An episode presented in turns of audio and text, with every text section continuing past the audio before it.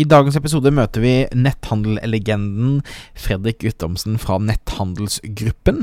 Dette er nemlig en eh, liten smakebit på en helt ny podkast jeg jobber med, som skal hete Suksess med netthandel. Der jeg intervjuer netthandelsgründere om det å lage eh, en butikk som er skalerbar og som er lønnsom. Og det er jo alt annet enn lett. Det er blod, svett og tårer, og det prøver jeg å få fram på det her. Så så nyt samtalen med Fredrik Guttomsen, og fortell meg gjerne om du liker dette formatet, sånn at jeg blir inspirert til å lage flere episoder før vi lanserer den helt nye podkasten Suksess med netthandel. Stadig flere små bedrifter i Norge oppdager at med riktig markedsføring kan man utfordre de store, tradisjonelle bedriftene. At vi har fokus på å bygge tillit og gode relasjoner, kan små bedrifter oppnå store ting. Velkommen til podkasten 'Suksess med Facebook-annonsering'. Jeg er Thomas Moen. Sammen med kona mi Nina driver vi Moen og Co. Vi hjelper små bedrifter å markedsføre seg på en lønnsom og skalerbar måte. I denne podkasten kommer vi med ukentlige råd, tips og strategier som du kan implementere i din bedrift. Om du er helt ny på annonsering, kan du få et gratis introduksjonskurs ved å gå til thomasmo.com minikurs. Cool. Så bra. Alt bra med deg? Alt er bra her. Så, mye, mye, ting som skjer om dagen. Og, uh, masse, masse nye prosjekter i netthandelsgruppen, så det går jo ja, det går jo lange dager. Så i går var jeg vel hjemme ni og, og dro på jobb åtte. Så det er ikke så veldig uvanlig, egentlig, det.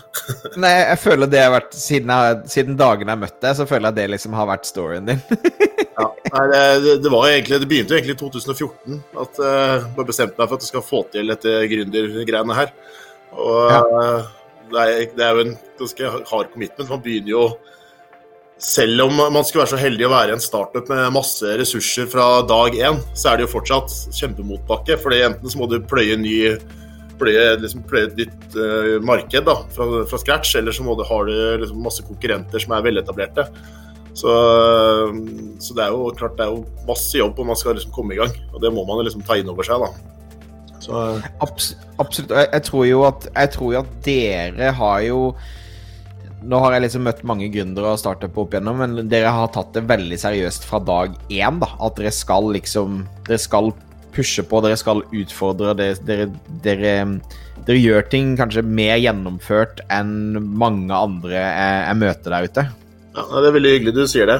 Vi har jo Jeg husker godt tilbake på i 2015. så Da hadde vi jo bare så vidt holdt på i noen måneder. og Da var det noen som spurte hva vi skulle, da. Og så ble det sagt at ja, vi skal, vi skal omsette for en milliard. Og så bare sånn derre Faen, er de idiotene her liksom kom fra ingen steder og skal liksom uh, selge for en milliard? Og liksom Det var ingen som trodde på oss, og det ble jo sikkert mye fliring i korridorene da etterpå. Men, uh, men, vi har jo stått på siden den gangen, da. Og nå er vi jo egentlig altså, Det er jo lenge til vi omsetter en milliard, men uh, det begynner i hvert fall å bevege seg i den retningen, da.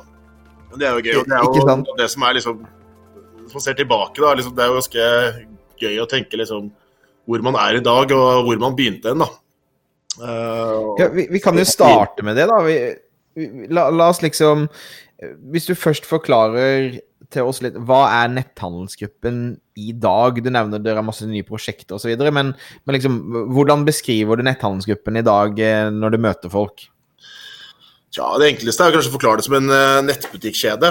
Uh, det var egentlig det, av det første vi begynte med. altså vi har lagt merke til at de fleste som, som starter nettbutikk, det er fordi de er entusiaster innenfor et eller annet. ikke sant? Kanskje de driver med trening, og så har de lyst til å starte en eh, butikk som selger kosttilskudd, eller de er glad i å strikke, så de har lyst til å begynne å selge garn, eller Vi hadde liksom Vi hadde ingen sånn eh, rundt liksom, altså, prosjektet vi skulle begynne med. Vi hadde ønsket å bli gode på netthandel. da.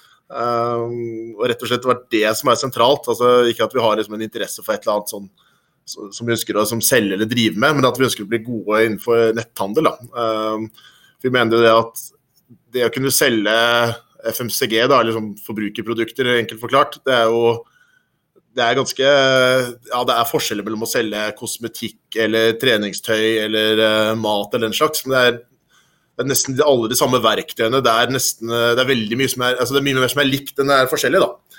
Uh, så vi mener at hvis man klarer å bli god på liksom, å, å, selge varer og tjenester i stor skala, så kan man liksom, da kan man liksom uh, drive med hva som helst. Da. Og det er liksom det vi ønsket å, ønsket å prøve å få til. Kult. Jeg vil si at Netthandelsgruppen i dag er jo en enkelt forklart nettbutikkjede. Som sagt så var det det vi begynte med helt opprinnelig.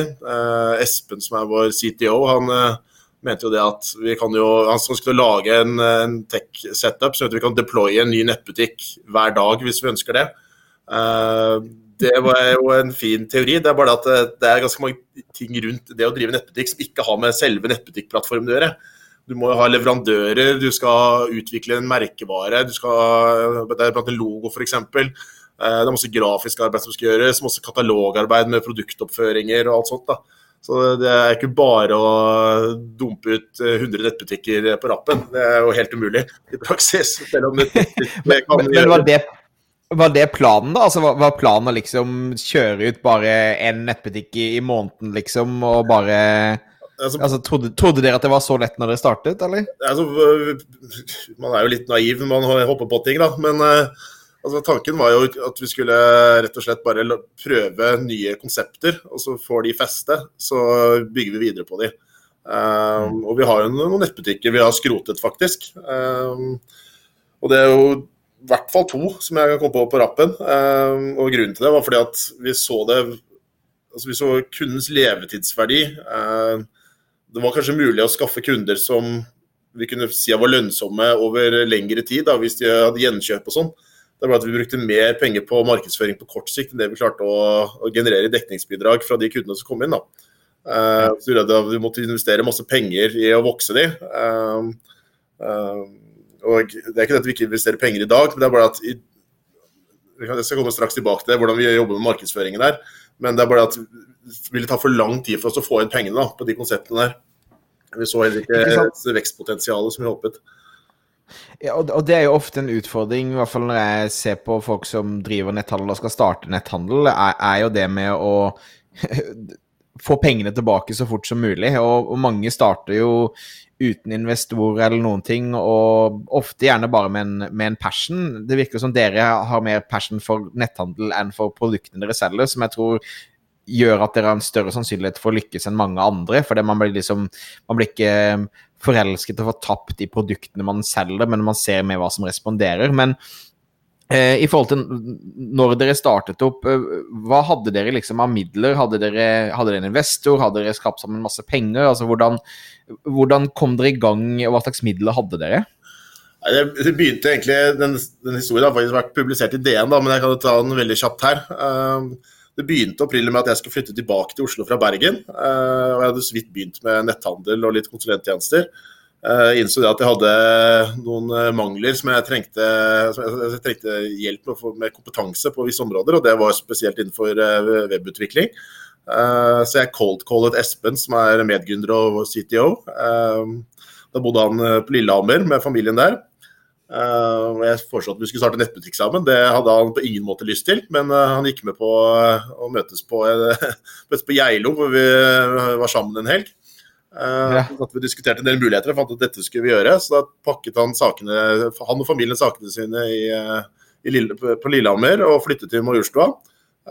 Jeg flyttet til Majorstua selv og leide en unødvendig stor leilighet, så vi kunne bruke den som base. Og så hadde jeg en kamerat som jeg hadde jo drevet litt prosjekter med tidligere selv, som jeg tok med, som er Gard. og så hadde jo Espen en, en kompis, barndomskompis som hadde som han hadde snakket om å starte nettbutikk med ved flere runder, så hadde det liksom aldri kommet helt i gang. Og så viste det seg det at han, da, med denne vennen, Per William, han har jo jeg gått på BI med er venner med på Facebook fra før av. Yes. Så da egentlig bare kongregerte vi hjemme hos meg og bare satte i gang. vi spyttet bare inn litt lommepenger, egentlig, i selskapet. Brukte de pengene på å kjøpe varer.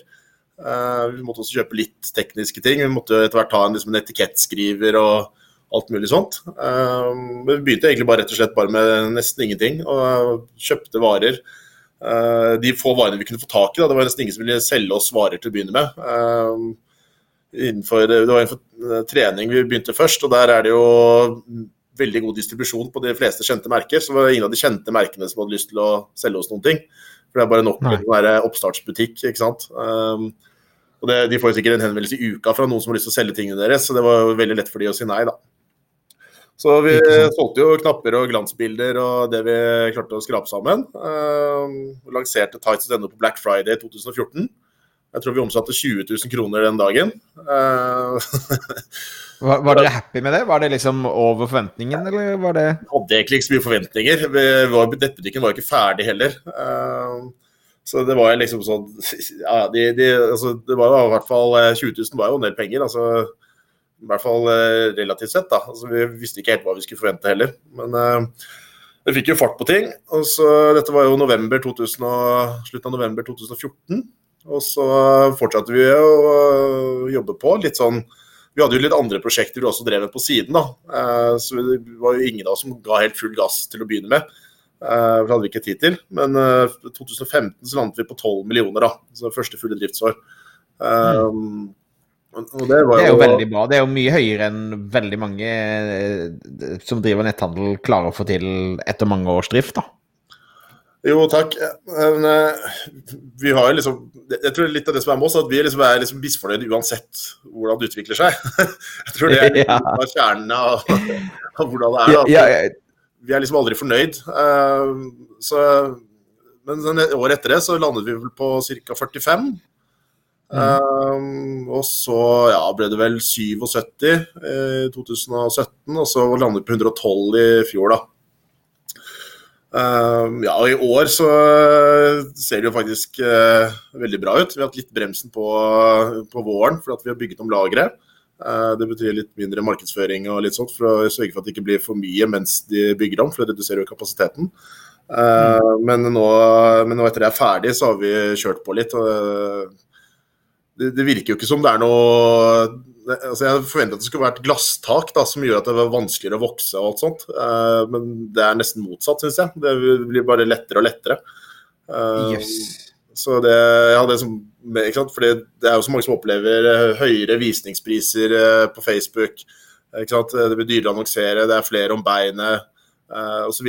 Men jeg vet ikke, det er kanskje, kanskje fordi vi mestrer å bruke plattformene bedre. Uh, nettbutikken konverterer bedre, vi har bedre marginer. Eh, ikke sant? Sånn som bare med stordriftsfordelene som vi har nå i forhold til da vi startet, så utgjør det 100 kroner i forskjell på en ordre. Og det er da med kostnader til betalingsleverandører, til fraktleverandører, til liksom emballasjekostnader, ikke sant. Alle disse tingene her, da. Bare det stacker opp til 100 kroner på en ordre. Og da kan du tenke deg da hvor vanskelig det er å starte en nettbutikk uten investorkapital, skal du konkurrere mot store retail-aktører da, som har alle disse tingene fra før, og en stor markedsavdeling og masse ressurser. Det burde jo ikke være mulig, uh, egentlig. Uh, så Det syns jeg er veldig gøy å motivere meg egentlig hver dag da, til å liksom stå på ekstra. For at jeg- jeg skjønner liksom ikke at, uh, at det liksom ikke har vært noen store aktører som liksom Jeg, jeg skjønner ikke hvorfor det, de, de gjør så lite ut av seg, da, egentlig. Med de ressursene som finnes. Så ja, så det, jeg vet ikke, det blir spennende framover. Eh, vi ser jo en veldig stor fragmentering av kanaler. ikke sant? Det er jo flere og flere annonseringsmuligheter. Eh, jeg begynte jo min, eh, min markedsføringskarriere begynte jo i en papiravis. Eh, og det var jo midt i den verste krasjen av leserne der. Eh, sant. og da og bare fra den gang til nå, eh, det er vel ni år eller noe sånt, så er det jo en enorm økning i antall muligheter. ikke sant? Bare på bare Facebooks eh, plattform så er det jo ikke sant? Det er jo haug av muligheter, ikke sant? og også hvordan du skal utforme annonser. Da, ikke sant? Så det er jo ja, det er så mange muligheter nå at det Jeg vet ikke. Jeg, jeg, jeg tror det er litt av utfordringen for litt eldre nettbutikkaktører. da, altså Entusiaster som har liksom har fått fart for en del år siden, kanskje ikke har så mye vekst lenger.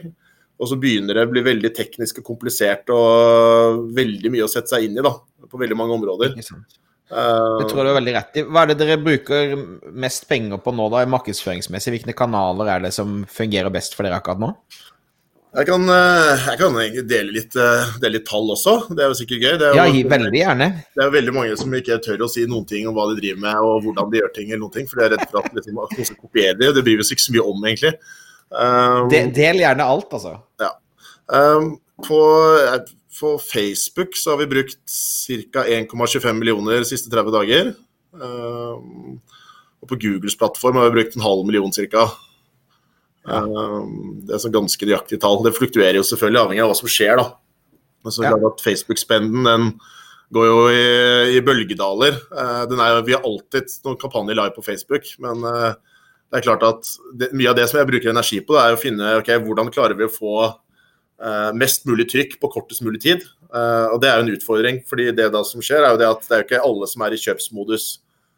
altså Hvis du ser på en dag da, i forhold til en uke, så vil du nå flere som er potensielle kjøpere på en uke enn på en dag. Ikke sant? Mm. Så det vil jo da effektivt sett koste mer å skulle selge for det samme på en dag i forhold til å spre det på en uke. Um, men uh, Mye av det som jeg bruker energi på, er å finne ut hvordan vi klarer å få uh, en sånn salgssyklus til å gå raskest mulig. Da, så at vi kan ha en uh, mest mulig trykk og nå alle med, som er potensielle kjøpere. Og så bytter vi kampanje med noe annet da, som kanskje når en litt annen målgruppe. og så prøve å få flest mulig sånne sykluser da, innenfor samme tidsrom. Så, så, dere kjører da ut bredt med, med, et eller annet nytt produkt, prøver å få folk inn på det, og så bytter dere på en måte produktene i sykluser? Ja, det, det spørs, spørs helt på hvilke nettbutikker det er snakk om. Vi har jo fem stykker nå. Uh, ja. og Tights.no er jo det største. Uh, ja. og det, det, fine faktisk med de to butikkene er at Tights uh, har jo 80% kvinner cirka, som kunder. Uh, Comfortable mm. er så å si kun menn. og Det fine med det er at vi konkurrerer ikke mot oss selv på Facebook. da.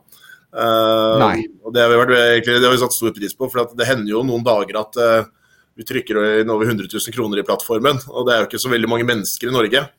Uh, så hvis man da, da begynner man å by mot seg selv da, hvis man skal ha flere butikker da, med samme målgruppe. Så det har vi, det har vi sluppet unna der.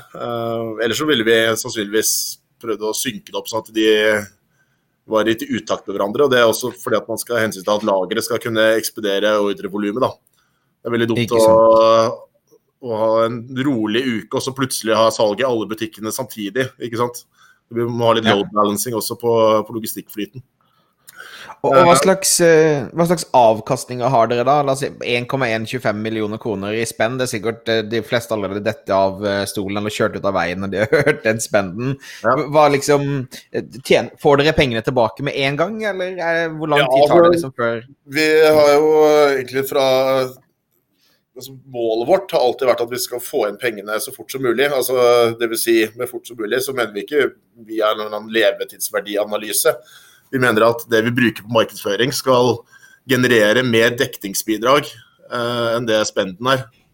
Eh, og det må de gjøre da i løpet av et døgn, da. ikke sant? Så så normalt sett så prøver jeg å da se hvor mye volum jeg klarer å få på Facebook, og fortsatt, uh, uten at det går utover lønnsomheten. da, altså på et eller annet tidspunkt så begynner det å dabbe av, ikke sant? Eh, hvis man kjører veldig hardt. Så hvis du bruker 100 000 på Facebook, så innen 24 timer så skal du ha 100 000 i, mer enn 100 000 i salg? Sånn veldig ja, men så, Det er ikke 100 000 i salg, men 100 000 i dekningsbidrag. Og så tenker jeg at ja, eh, la, la, oss si at man for enkelhets skyld sier at man har en margin på i snitt eh, en tredjedel, da, bare sånn for enkelhets skyld. Ja. Så betyr jo det at da må jeg da generere tre ganger mer i omsetning, da. Eh, I hvert fall for, bare for å gå i null. Eh, men nå er det sånn at altså, Attribusjon er jo ganske komplisert, da, fordi at Facebook rapporterer inn silo, Google rapporterer inn silo, Google Analytics det, ja, forfordeler egentlig alle andre enn Googles plattformer. Uh, så det er jo ikke sant, Så har du programmatisk play, kanskje. Du, kanskje du har noe blogginnlegg. Uh, du har aktivitet på Instagram. Så, uh, kanskje du har noe affiliate-greier på Nettavisen eller VG. ikke sant? Og så, kanskje du har en kunde som er innom flere touchpoints der, da, men hver av de rapporterer jo for seg.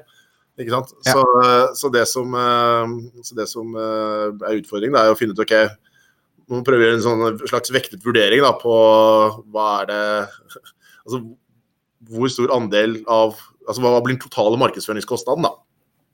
Ja. Uh, ikke sant, I forhold til hva det ordren som genereres, og så må man gjøre, sånn, gjøre, et, gjøre, en del vurderinger og analyser der, da. Uh, det er klart, det er jo ikke kjempelett, det. Men uh, jeg kan se at på jeg har flere rapporter her. da. Vi kan ta på, på den tradisjonelle ROAS-en, som, eh, eller ROI, da, som eh, mange snakker om. De fleste måler den på omsetning. Eh, ja.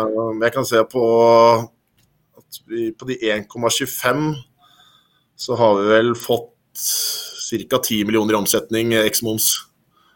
Yes. Ok. Så på de siste 30 dager, da. Så, Det er jo, det er jo sinnssykt bra, egentlig, da. Jo, på, på, faktisk på Googles plattform er det enda litt bedre, men der har vi kjører vi ikke masse display og sånne type aktiviteter. Det er jo shopping og adverts osv. Så, um, så har vi tunet inn for å få, få lønnsomhet der. Um, så, så er det ikke, altså hva jeg si. Det er jo Jeg syns det er lettere og lettere å få, få skikkelig fart på det. Men det tror jeg er fordi vi har gjort det så mange ganger før. da, At vi vet liksom hva vi skal gjøre uh, hver gang. Så at det er liksom, før så var det med fomling med skal jeg gjøre dette eller prøve dette eller sånn. Nå har jeg liksom ikke har ikke gjort annet enn eh, hver eneste dag i fem år da, har jeg laget nye Facebook-kampanjer for, eh, for disse butikkene. ikke sant? Så jeg vet jo hva jeg skal gjøre. Så er det jo Ha- Har dere, har dere prosesser på det? Så du liksom, har, du, har dere skrevet det ned så dere deler det rundt i selskapet, eller er det mest alltid ditt hode-typ? Nei, altså nå har vi jo vokst og blitt ganske mange flere enn eh, vi var, da. ikke sant? Før så Ja. gjorde jeg alt av markedsføring. Uh, og det er veldig glad for at jeg slipper, for det er ikke sjans til å rekke. Eh, men uh, men, men altså, vi har, det, det- som er en utfordring, syns jeg generelt, da, det er å strukturere altså å, å, å organisere ustrukturert informasjon da, som gjør det lett tilgjengelig for andre å, å utnytte. Ikke sant? Så det vi har begynt begynt å systematisere, er sjekklister. Uh, det betyr da at OK, la oss si at uh? Vi har akkurat ansatt en som heter Ivo, da, som tar seg av eh, Googles plattform. Han jobber med konverteringsoptimalisering, jobber med AB-testing, eh, programmatiske ting. Ok, så For hver av de arbeidsoppgavene, eller arbeidsområdene han har der, så vil det være en rekke best practices. da, ikke sant? Ja. Og så La oss si at eh, han da skulle bli sykemeldt, skal ut i permisjon eller et eller annet. Ok, Så for, leier vi kanskje inn en fyr et år da, til å, ta, til å være vikar for jobben hans. Hvis eh, han har da komplett sjekkliste med alle best practices han har funnet ut av via jobben sin, så er det mye lettere for han å få en flying start da, enn, eh, enn å liksom skulle Ok, ja, han kjenner verktøyene, men må liksom bli kjent med alt, hvordan det fungerer og sånt. ikke sant? Det sparer veldig mye opplæring. Og det fjerner Mm. veldig mye usikkerhet. Og det sørger for at man ikke glemmer ting som um, Altså, det er veldig mange ting å huske på. Man skal jobbe veldig fort. Det er veldig mange ting som skjer. Det er stress, det er nye ting som skal ut. Uh, ikke sant? Og når du har sjekklister, så er det lettere å det er lettere å, lettere å gjøre ting riktig, egentlig. Og, og hvordan rent praktisk eh, er disse sjekklistene? Er det liksom, er det, er, det en, er det en presentasjon? Er det et program? Eh, hvem lager de? Hvordan kvalitetssjekker dere de? Eh, jeg lager de, eh, men, det, men det er, eh, altså jeg organiserer eh, altså hele greiene rundt det. eh, men det er altså de spesialister på hvert område som får oppgave å lage det for seg selv. Eh? Så blir det vist de tingene som jeg har laget før. eh, og det er liksom Det er ikke bare på Facebook og sånt, men det er ok, hvis man skal lage en ny salgskampanje, da. eh, hvordan er det man velger ut produkter som skal være med i den? Eh, hva er det, hvilke, hva er det man skal kommunisere? Hva er det liksom, hva er, eh, På alle mulige områder, da. ikke sant? Eh, På alt som har liksom, med driften av nettbutikken å gjøre, eller fra markedsføringssiden. da. Ja. Og er det liksom Google Docs som er levende, som folk kan bare hoppe inn og se på, da, eller? Ja, eh, enkelt og greit. Det, det er litt sånn, ok, Vi har sett på masse forskjellige måter å organisere ting. Ja, til og med sånn eh, betalte plattformer for eh, ansattopplæring, hvor man liksom, eh, en bedrift kan lage sitt eget treningsprogram og alt mulig sånt. Jeg egentlig funnet at Det enkleste er bare å ha en Google Doc og så bare punktlister nedover. Uh, etter hver kategori. Eh, og Det er det som er litt sånn ustrukturert informasjon. da, det er liksom jeg skulle ønske det var liksom en sånn enkel, vakker, uh, fin greie bak kunne putte alt inn i, så ble det magisk, eh, helt nydelig og oversiktlig. Men det er, det er vanskelig å finne og, og holde oppdatert. Og, ikke sant? Som en enkle sjekklister med punkter nedover. Eh, Ja. Så må man heller, hvis en person ikke skjønner hva det, altså hva det, hva det punktet innebærer, da, så får man heller bare ta en runde på det og forklare. Ikke sant. Interessant. Um, ting jeg noterte meg i stad altså, du, du snakket litt om på en måte, måten dere gjorde annonsering og sånn på. Um, mange snakker jo om, om, om salgstakter og mange steg og prosesser det skal ta folk gjennom. Er det sånn at det, de aller fleste salgene deres kommer fra et, eh, et kaldt publikum som da bare ser en annonse og kjøper? Eller har dere sånn oppvarmingsinnhold og den type ting liksom før dere før folk kjøper? Det, ja til alt. Varierer. Eh, Men, det, men i veldig stor grad så, så driver vi med altså, Det vi tror på, da, er at vi, vi tror at hvis du klarer å overbevise noen om å prøve produktet ditt, hvis du er, hvis du er din egen merkevare, da, ikke sant? sånn som Comfy Balls-butikken vår, der er man jo, det er en eh, single brand store. ikke sant? Eh, hvis du klarer å få noen til å prøve produktet, og de er fornøyd med det, så har det en langt, langt større effekt på personen med tanke på eh, merkevarekjennskap og trygghet og eh, sannsynlig for å anbefale videre til venner osv. Eh, Hvis de faktisk har kjøpt og prøvd produktet, enn hvis de har sett en eller annen kul video eh, og så får et så? Så- vi, vi prøver, vi, altså, Vårt fokus er på faktisk prøve å få, alltid få solgt noe. Um, og det er jo Jeg vet at i mange uh, kjøpsprosesser, da, la oss si at man driver et byrå eksempel, og skal skaffe uh, kunder på enterprise-nivå. Da kan du sjelden bare kjøre en annonse rett ut og bare reke inn eh, masse toppkunder på rappen. ikke sant? Det, det er jo en lang, komplisert kjøpsprosess. Mm. Men mange av de tingene vi selger, det er ikke så eh, komplisert kjøpsprosess. Det er produkter som man gjerne kan kjøpe ofte. Ja. Så at hvis man klarer liksom å overbevise noen til å gjøre noe nå, eh, så er det liksom stort sett alltid det vi går for. da. Eh, Det er ikke det at jeg, jeg, jeg tror på absolutt at eh, bra innhold og, og sånne type ting er viktig, men jeg vil ikke si at det er så viktig for eh, Spesielt ikke for en butikk som selger mange andres merkevarer. Uh? For da har de gjort mye av den jobben. da. De har bygget en merkevare Ja. med etterspørsel. Så hvis man klarer å nå de rette personene med, på rett tid og rett sted, så, så klarer man kanskje å få de til å kjøpe det. For de kjenner allerede, de har allerede blitt varmet opp av merkevaren i seg selv. ikke sant? Og Da handler det kanskje mer om sånn som på Tides ennå så ser jeg dere kjører liksom fri, gratis bytte og sånn. Da handler det egentlig om bare å fjerne eh, objections for å teste produktet, da? Er det det som er med tanken? Ja, eh, jevnt over så er det alle hindre. Altså, ikke sant? Så jo, jo mindre friksjon det er. Det er klart at det vil jo være? Alt er jo en eller annen friksjon. Det er jo et ork å måtte klikke på en knapp.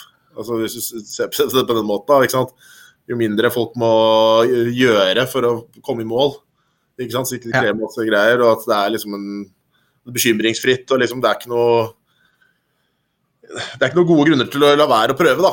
Uh, ikke sant? Sånn som For min egen del da, så er sånn jeg handlet hos Fjellsport flere ganger. og Det er fordi at uh, det er sikkert eh, mange andre butikker som eh, har uh, kanskje til og med har lavere priser på enkelte av produktene jeg har bestilt der.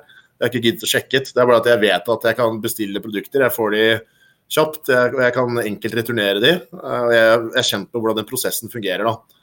Ja. Og Det gjør at jeg handler der flere ganger. eh, og så betyr det også at de får jo returer, for at jeg har kjøpt fjellstøvler f.eks., og det er veldig vanskelig å finne noe som passer godt. Mm. Men det betyr at jeg foretrekker å handle her fordi jeg kjenner den prosessen og vet at den fungerer godt og er enkel.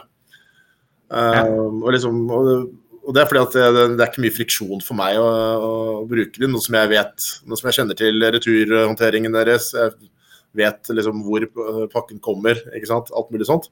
Uh, så rett og slett bare skape flest mulig personer da, som har den opplevelsen med butikkene våre. Um, det er klart, vi, vi vet jo at er, vi er langt fra perfekte. Um, det er vi på ingen måte. Vi har et hav av ting som vi, som vi ønsker å forbedre med, på alle mulige områder vi driver med. Uh, men med de ressursene vi har nå, da, for å komme litt tilbake til spørsmålet ditt, så er det det, det som vi ser monner mest uh, per krone arbeidsinnsats, for å si det sånn, det er jo å prøve å få folk til å kjøpe noe så fort som mulig. Ja. Og, og prøver dere å få folk til å kjøpe noe som er rimelig først, eller på en måte eh, Vil dere ha mest, høyest mulig ordreverdi på første kjøpet? Ja takk, begge deler, er kanskje. ikke- den- altså, det- Jeg vil si at den endrer seg ikke så mye, egentlig. Um, Vi ser jo Det er ganske interessant å se på levetidsverdi. da Vi har gjort noen analyser der. Og vi ser jo at eh, de kundene som handlet hos oss i, i 2015 f.eks., i, i snitt så har jo de lagt igjen 5000 kroner til siden da. Ja, ikke sant. Um, og nå er jo det klart at det volumet som var med oss i 2015 er jo ubetydelig i forhold til volumet som er i dag. Um, så vil man selvfølgelig ha en avtagende mengde kroner som nyere kunder har lagt igjen, for de har ikke vært kunder i fem år, ikke sant? Sånn som de, eller fire år, da, sånn som de i 2015. Um, men, uh, men ja, altså får vi si at et, på en typisk måned nå, så har vi vel rundt en tredjedel nye kunder i butikkene. Ja. Uh, sånn cirka. Det kan vi styre litt selv, selvfølgelig, da, med hvordan vi setter opp markedsføringen. Men eh, si at rundt en tredjedel er nye kunder, og det er faktisk på flere av butikkene. Så det er ikke noe sånn unikt på, på en av de, men det er jevnt over, er det det.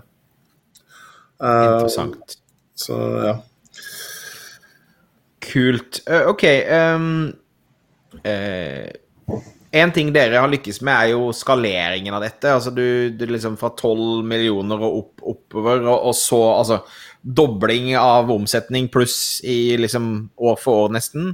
Um, hva er det som skal til for å lykkes med å skalere? Veldig mange jeg møter, ligger liksom på 2-3-4 millioner og driver sin egen nettbutikk, og liksom det går greit, men, men hva, er det du, hva er det du tror Hva slags blokkering er det folk har som gjør at ikke de klarer å uh, å, skalere, tror du? Og er det bare å bruke mer penger, og så magisk får, tjener du mer, eller liksom, hva er tanken din rundt skalering? Vi har jo sett at det er mange altså, mellomstore nettbutikker i Norge som virkelig har skutt fart etter å ha fått investorkapital.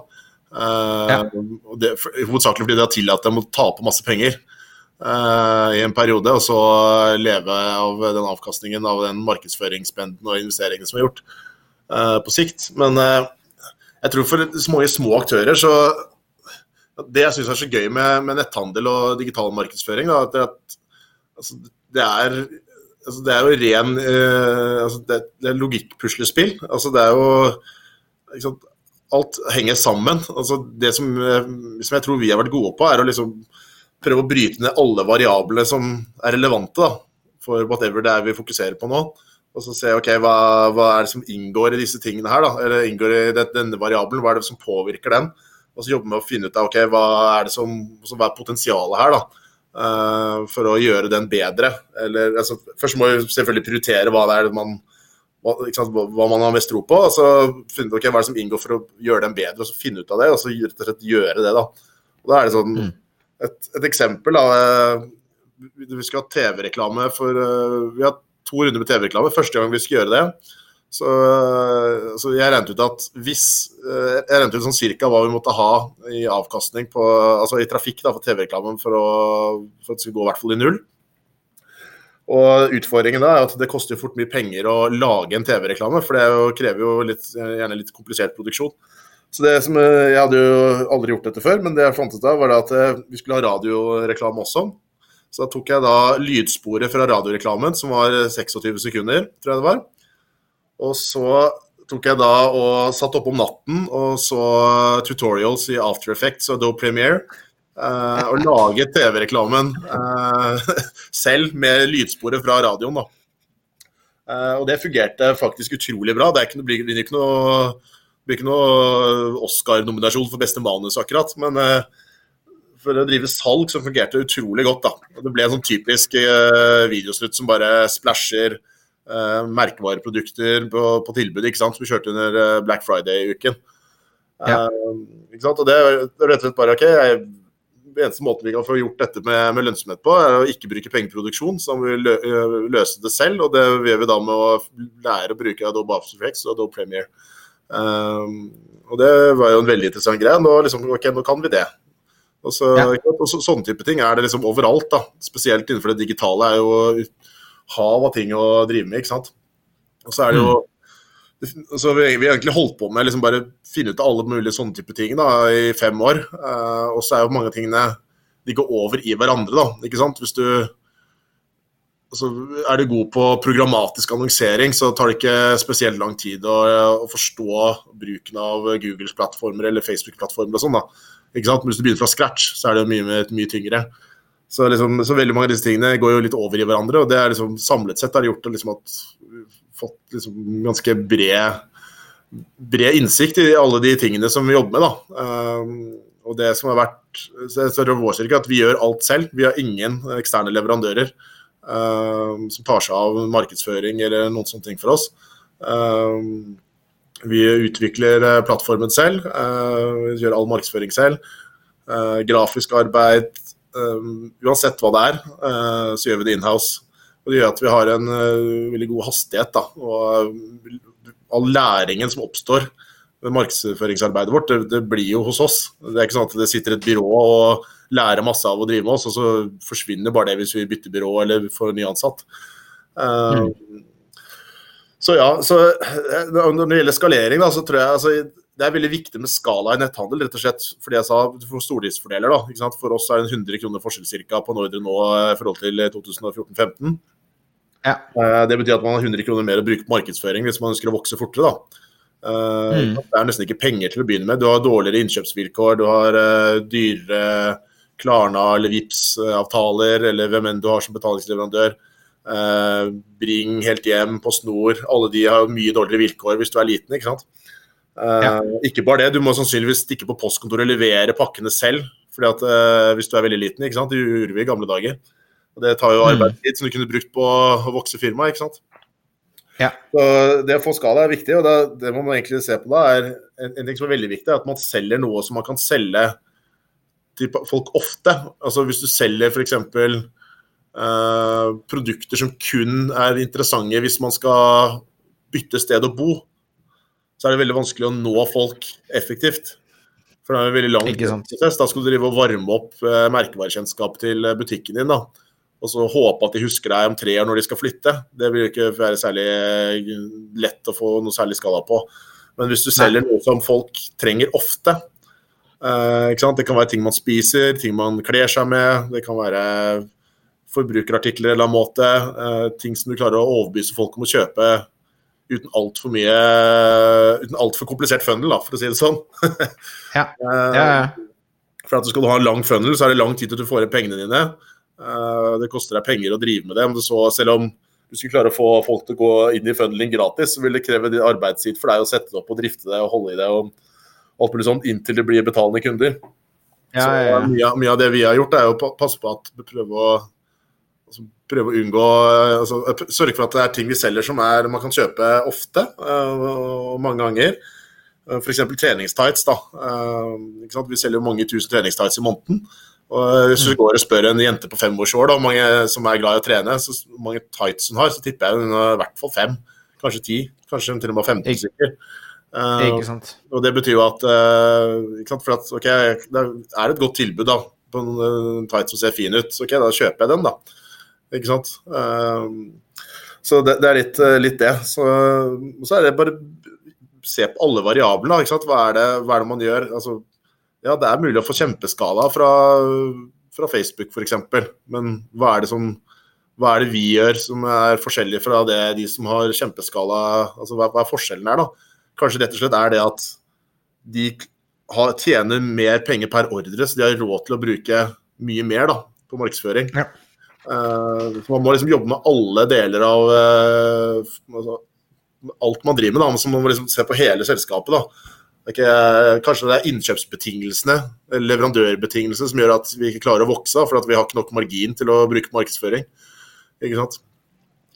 Så Jeg syns ja. det er kjempeinteressant. Og jeg, jeg, jeg, tror jo altså det som sånn, sånn jeg ser det skiller, dere fra de aller fleste, er jo da liksom attention to detail. At det går dypt, det tar det seriøst. Dere, dere ser på tall, dere analyserer, dere ja. Eh, de fleste vil bare si eh, jeg vil gjerne selge sko på nett, for jeg liker sko, og så på en måte prøver de så godt de kan å, å, å selge det. Mens tar man tiden til å gå såpass dypt som dere gjør, og også virker som dere internt har en veldig god kultur i forhold til deling, eksperimentering og på en måte utfordre hverandre hele tiden til, eh, til excellence, er, tror jeg liksom er, absolutt er nøkkelen. Ja, altså, jeg, jeg mener at det er liksom altså Det er et eh, puslespill, et logisk puslespill med utrolig mange variabler. og Det dreier seg om bare å okay, prøve å identifisere hva de er, da, uansett hva det er. ikke sant? Altså Det er så og så mange kanaler for man kan uh, bruke for å skaffe trafikk. Um, ikke sant? Det er uh, ting som påvirker konvertering. Vet at det er bare noen få ting som egentlig monner på konvertering. ikke sant? Um, ja. Og så er det OK, har man attraktive produkter, har man margin nok? Alle disse tingene inngår det masse undervariabler i. ikke sant? Å jobbe med, jobbe med hele, altså, hele, selskapet og hvordan alt, alt, er skrudd sammen. da. Prøve å tilpasse det. fordi at Man må innse at man må kunne ha nok margin til å bruke penger på markedsføring, ellers så er det ingen som vet om butikken din. Um, og Så enten så kan man jo da satse på eller få investorkapital og jobbe seg opp med å bruke de pengene, eller så kan man prøve å fikse det grunnleggende, da, så at man liksom kan kjøpe seg kunder og få inn de pengene innenfor en rimelig tid. da.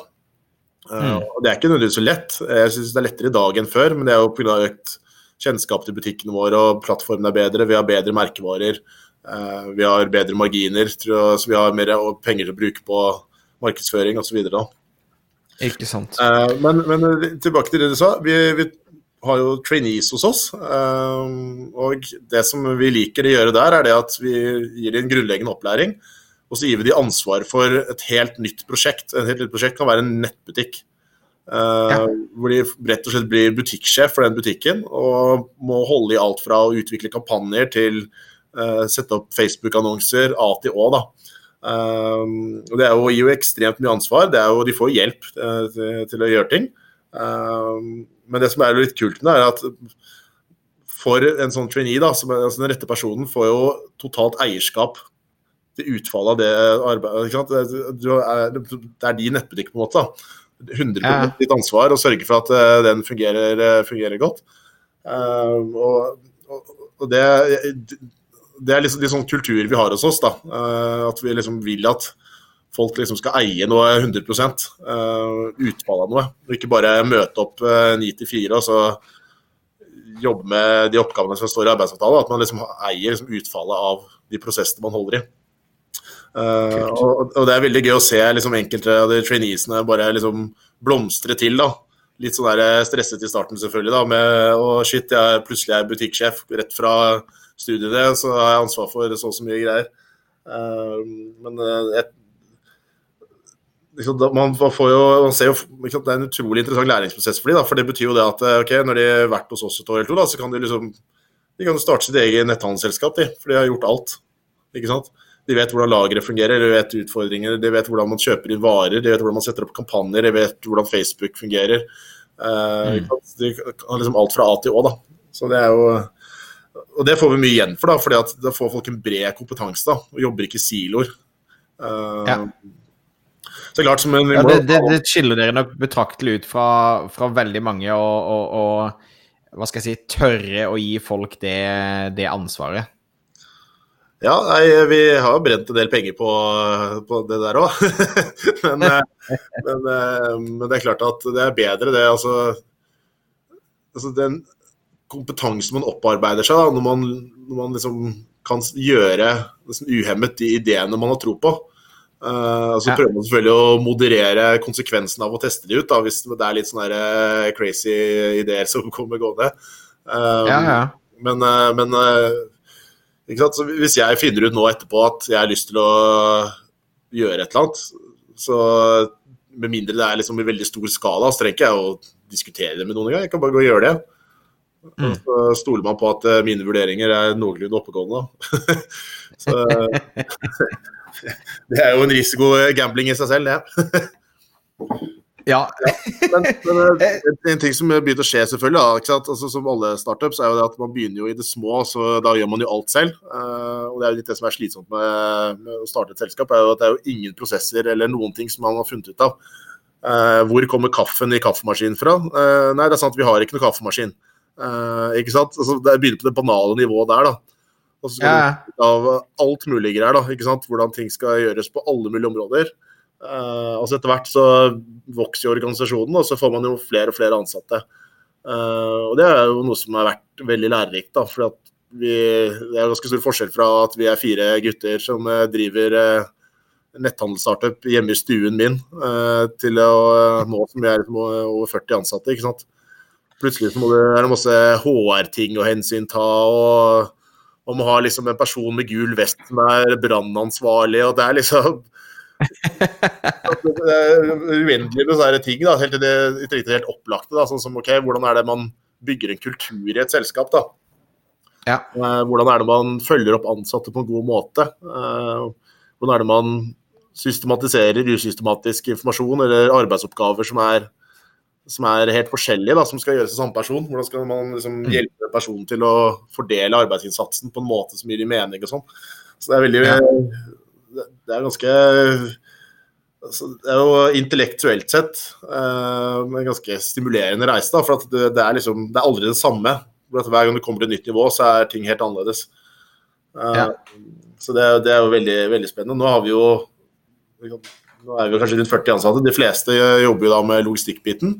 Uh, men det er klart at for markedsføring nå så har vi jo flere, flere og Nå begynner vi også å ha spesialister. ikke sant, så Siste ansettelse vår nå var jo en som skal jobbe hovedsakelig med Googles plattformer og AB-testing, uh, konverteringsoptimalisering osv. Ja. Uh, og det er en luksus vi aldri har hatt før.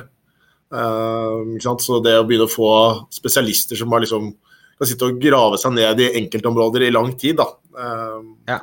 det, det, blir spennende. Det er jo en luksus som gir dere en, en, en, edge foran veldig mange andre. Ja, altså Store selskaper har gjerne det her, men Eller faktisk typisk så jobber jo sånne personer i et byrå da, som er leid inn av et større selskap. Ja. Uh, og det er, det, er, det er, jo en generell trend med insourcing for tiden. Men uh, personlig så skjønner jeg ikke helt hvorfor store aktører uh, som har mye ressurser, som har en kanskje en ganske legacy markedsavdeling da, som er litt utdatert i 2019. Uh, ja. Jobbet der med mange offline-ting eller tradisjonelle ting, tradisjonell retail f.eks. Uh, jeg syns det er veldig rart at de ikke ønsker å liksom, ta inn digital kompetanse selv i egne avdelinger. da altså i den ja. markedsdelingen sin, for å liksom bygge det internt. for at det er ikke noe som, man, som er bare midlertidig, det er noe som man i hvert fall kommer til å trenge framover. Ja. Uh, så det er ikke noe, Digital markedsføring og digital kompetanse er ikke noe som er en sånn blaff som, er, som bare er et år eller to. Det er, så, det er heller motsatt. Det er nesten som man heller burde outsourcet ut ting som ikke er digitalt i markedsavdelingen. Ja. For det trenger man ikke så ofte lenger. Så, uh, helt, enig. Vel, Støtter veldig. Um, siste, um, siste, spørsmål. Um, med litt sånn store, store byggeplosstankegang. Altså, du snakker om nivå på nivå. Hva er liksom Nå har dere kommet dere 40 ansatte. Dere har var det, 140 millioner i omsetning? Ja, det er 112 i fjor. Uh, ja. Betydelig opp fra det i år. Uh, Riktig. Hva, hva, er liksom Hva er fokuset deres framover nå? Altså dere som, som eiere, du som, som driver dette fram, hva, hva, er liksom Hva er de neste stegene for dere nå der dere kommer? Ja, det, det, det som er videre steg, er jo selvfølgelig å fortsette å vokse. Um, og så er det jo um, Det er jo ikke noen sånn kjempestor hemmelighet at vi uh, vi ser etter investorkapital. Uh, det er fordi vi har masse planer vi vet uh, det er ingenting som er, man kan vite med 100 sikkerhet i livet, da, men som vi er veldig sikre på at kommer til å akselerere veksten vår betydelig. Mm. Som krever en del investeringer. Da. Og Vi ser at vi kan komme mye fortere i mål med ekstra kapital. Um, så det er noe vi holder på med. Um, og så er det jo i all hovedsak det blir å utvikle de tingene vi, vi har. Um, strømlinje for prosessen. Altså, vi har, som jeg sa tidligere, vi har et hav av ting altså, vi, vi, er langt fra perfekte. Vi har et hav av ting vi vet vi skal jobbe med, som vi skal gjøre bedre. Det er alt fra hvordan vi løser kundeservice til uh, produktbeskrivelser, til foto, til video, innholdsproduksjon, tekniske løsninger, utvikling. Um, investere i markedsføring uh, med, som har en lengre avkastningshorisont enn inneværende dag, uh, f.eks. Ja. Så det er masse sånne type ting. Målet er jo, som sagt, vi har fortsatt målet om å omsette for en milliard. Ja. Man kan jo selvfølgelig gjøre noen, gjøre noen estimater på når det, når det, blir, basert på historisk vekst. men det, det, er jo det vi egentlig jobber, jobber hardt for. det, hvor fort vi kommer dit, vil jo avhenge selvfølgelig om, eh, om vi får noe investorkapital og sånn, men, eh, men, eh, vi er uansett så ser tallene veldig bra ut nå. Litt av greiene som vi har gjort, gjort helt fra starten, her, at vi har jo altså, vi, kjøper jo trafikk som skal være lønnsom. og Det betyr jo det at jo mer trafikk du kjøper, jo mindre lønnsom blir den etter hvert. Og Det betyr jo det at man har en sånn eh, balansegang mellom eh, ok, hvor mye penger bruker man på å vokse. da. Uh, I tillegg til det da, så er det en annen ting at det er mange andre ting som også medfører økte kostnader ved vekst. da. Hvis du plutselig har behov for masse nye hyller på lageret, så går det kanskje 300 000 til det plutselig. da. Ikke sant? Um, men uh, så de tidligere årene har vi gått sånn cirka i null. Um, I fjor gikk vi med et lite overskudd. Uh, og i år så kommer vi nok til å gå med ganske OK overskudd, selv om vi fortsetter å vokse i samme takt som før. da. Ja. Um, så videre så kommer vi til å fokusere på lønnsom vekst. da. Um, og hvor fort vi klarer å vokse og realisere de, alle de planene vi har, det avhenger selvfølgelig litt av ressursbildet, da, som sagt. Så så det blir spennende å se hvordan det utvikler seg der. Uh, vi trenger det ikke, men det er klart at uh, vi vet at det vil akselerere veksten vår ytterligere. Da. og Hvor mye penger er det dere er på utkikk etter? Det spørs litt. Altså, I utgangspunktet så det, spørs helt på hva slags hvilken skala man skal gjøre ting. da. Altså, En ja. ting som vil være interessant for oss, er jo, er jo om man kunne kjøpe opp mellomstore nettbutikker Uh, som jeg har drevet av entusiaster. Det ville vært interessant. Det krever jo mm. typisk uh, kapital som er i størrelsesorden av uh, topplinjen til butikken, hvis den går som noenlunde rundt. Ja. Det kunne jo vært spennende cases. Og så er det jo masse, masse interne ting. Da, ikke sant? Man, egne merkevarer, det er utvikle nye nettbutikker som vi har tro på. jeg tror mye av veksten i netthandel Uh, altså ser bort fra hele netthandel, netthandel samlet, da, jeg tror mye av det vil være uh, å finne nisjer da, som man kan ta andeler i. Uh, som er dårlig dekkedag, eller om konkurransen er moderat av en eller annen grunn. Ja. og da er det jo rett og slett sette opp enten single brand eller multibrand stores da, i en vertikal. liksom Vi er jo nettbutikkjede. Det er jo egentlig så er det ikke så farlig for oss om vi har tre eller 30 butikker. Så lenge de butikkene fungerer godt. ikke sant? Så det er veldig Vi har liksom Fordi vi gjør alt selv, da. Vi har liksom tech-stacken selv, vi har markedsføringen, vi har logistikken. Liksom hele greia A til Å, så er det veldig lett for oss å bare OK, vi starter en ny nettbutikk, da. Um, så det er klart at det er f.eks. noe som man kunne brukt kapital på. da. Um, det avhenger helt, av hvem investorene er også, for noen ganger så vil du finne en investor som har veldig god kompetanse på et visst område, da, som man kan utnytte. Ja. Ikke sant? Og kombinerer det med de kapitalressursene de kommer med. Og da kanskje, kanskje er det noe helt annet som man vrir det på. da, At man kanskje utnytter den uh, digitale kompetansen vi har til uh, andre ting. ikke sant? Ja. Så, det, så, det, så, det, spørs helt hvem det er og hva de har kommet med. men ja, så det blir spennende å se. Det blir jo offentlig kjent hvis det blir noe, så det er bare å følge med. Stilig. Jeg ønsker iallfall eh, masse lykke til, og tusen takk for at du har eh, delt eh, så mye med oss. Så jeg setter veldig, veldig pris på det. Um, og så er det Jeg vet ikke, er du tilgjengelig for Kan folk hooke opp på deg med, på LinkedIn og stille spørsmål, eller Twitter? Hvor er det noen steder de kan connecte med deg som du har lyst til? Jeg er jo på LinkedIn, men jeg så at jeg første gang jeg var på LinkedIn var på, i går, eller på søndag, og da har jeg ikke vært der siden eh, ja, mars eller noe sånt. Uh, så jeg vil ikke anbefale å kontakte meg på LinkedIn. Jeg kan godt uh, legge meg til som menn der, da, hvis man har lyst til det. Men uh, det beste egentlig, hvis man har tak i meg, er å sende meg en e-post på fredrik.krøllalfa.netthandelsgruppen.no. netthandelsgruppen.no. Tusen takk til Fredrik Guttormsen der, altså, i netthandelsgruppen. Utrolig morsomt å høre reisen deres. Jeg håper du også har funnet det inspirerende. Husk at dette er en ukentlig podkast, så husk å abonnere. Eh, det kommer ut en ny episode hver eneste onsdag. Har du spørsmål, fortsatt til tema, send mail til thomas at thomasmoen.com. Og hvis du ønsker å komme i gang med annonseringen, så kan du gå til moenco.no oppsett for vårt gratis introduksjonskurs.